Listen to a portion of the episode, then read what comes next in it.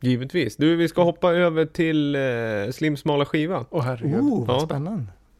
Mitt Eh. favoritsegment i den här Ja. podden. Eh, vill du säga något innan eller bumper och låt direkt? Nej, det här, så. alltså det finns inget att fundera över. Det här blir direkt. Du vill börja från början på låten Ja. också? Ja. Hej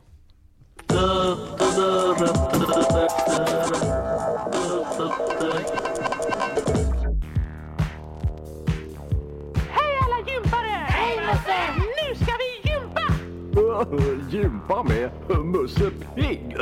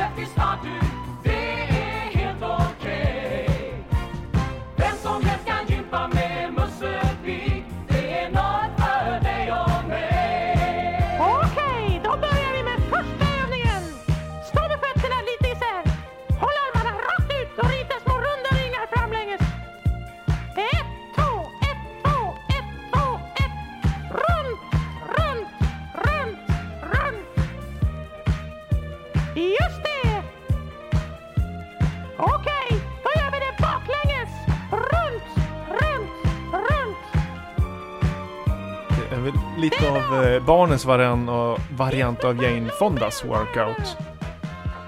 ja, den är ju också, jag tänkte, den är ju 46 minuter lång.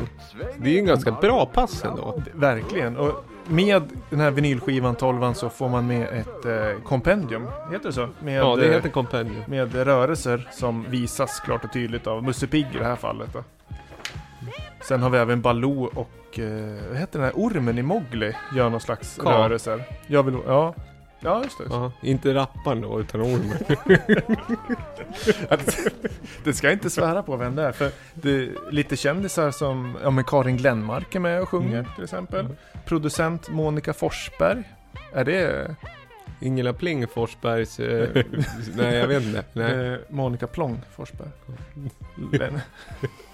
Ja, men det, det är utgivet 1985. Den är, jag har försökt googla lite, jag har inte hittat så mycket info om den här. Den är lite... Den är ganska tydlig i sig, så jag vet inte. Det jag tycker är Men mest... smala skiva tänker du? Är inte Walt Disney? Han är väl såhär nazist och typ världskapitalist, imperialist? Ja, men som, som skiv, alltså som fonogram, alltså en gympingskiva. Däremot tror jag att i liksom utgivning så tror jag att den här har säkert sålt mer än samtliga som vi har spelat tidigare. det, Men den är just lite smal i sammanhanget här ja, som sker. Det är kanske ingenting man... Om du skulle sätta på den här klockan tre på natten, tror du att det skulle funka? Jag läste en artikel att han i LCD Sound System hade spelat Ja, ja, ja. The Stooges klockan tre på natten på en technoklubb och höll på att bli mördad. Men han var så hög så han sa Men fan kom igen lyssna, det är ju bra ju. Vad den spelar? I wanna be your dog. Jag kommer inte Ja. ihåg Stooges i alla fall. Ja. Men det var ju liksom, jag Ja, tänkte men om... det kan man nog göra ändå om man spelar ett tag. Det tycker jag var ganska Alltså, djärvt. ni- Jag gillar sådana där. Ni kommer alltså inte ihåg när jag spelade den här? Den här har vi Ja. nu. Ja, möjligtvis att du har slängt in Sipperidura, Sipperidej. Det kan jag tänka att du gör. Det känns som att du liksom bara hugger in det mitt i något. Eller? Har du spelat den här någon gång? Nej, nej, det tror jag inte. Det jag tycker är mest fantastiskt med omslag i alla fall, det är ju de klassiska. Det är ju Mimmi, Musse och eh, Jan Långben då, som har någon form av... De har dress på sig helt enkelt. Men längst upp till vänster står det Vettiga och bra rörelser med Musse och hans vänner. Men- Vettiga och bra. Har du ofta liksom sagt, ja men den där rörelsen är jävla ovettiga. Jag är trött på alla de här ovettiga rörelserna. Eller någon som Leif GW skulle kunna... Vettiga och bra rörelser. Är kvalitetsjumpa då. Från USA. Nej, men Men, Ja. men Goofy, Janne Långben, jag fattar ingenting. Det är också en sån där... Sportgoof, ja.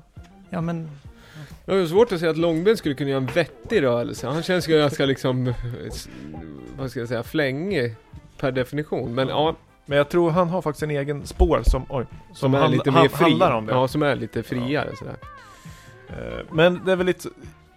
Jag har ju en back bland mina sk smala skivor som heter alltså non-music, det vill säga som inte är traditionell Mm. musik. Och det är väldigt mycket musik till gymnastik och det är ju liksom Jane Fonda och det är husmodrarnas gymnastikförening och så vidare och så vidare. Men i slutändan så är det ganska normal musik med någon instruktion till och sådär.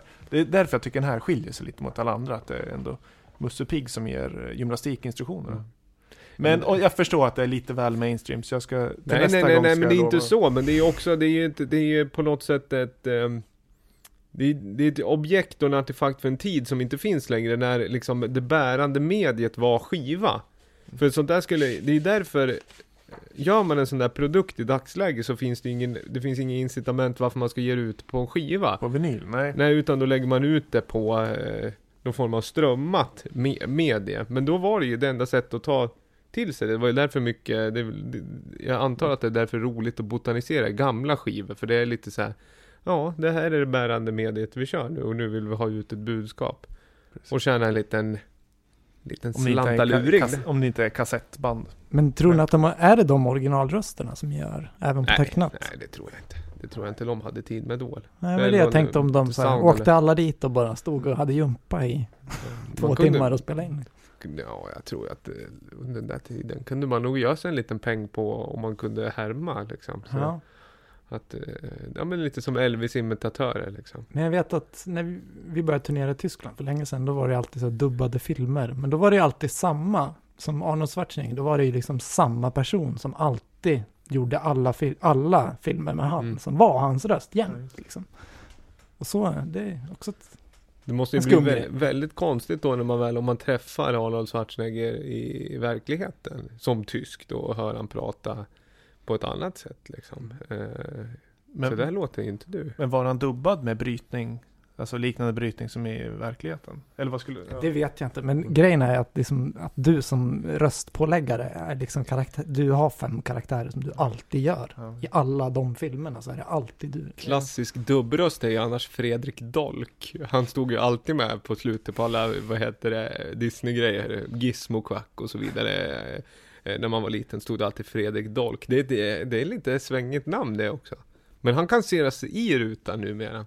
Och han ser inte riktigt ut som man kan tänka sig.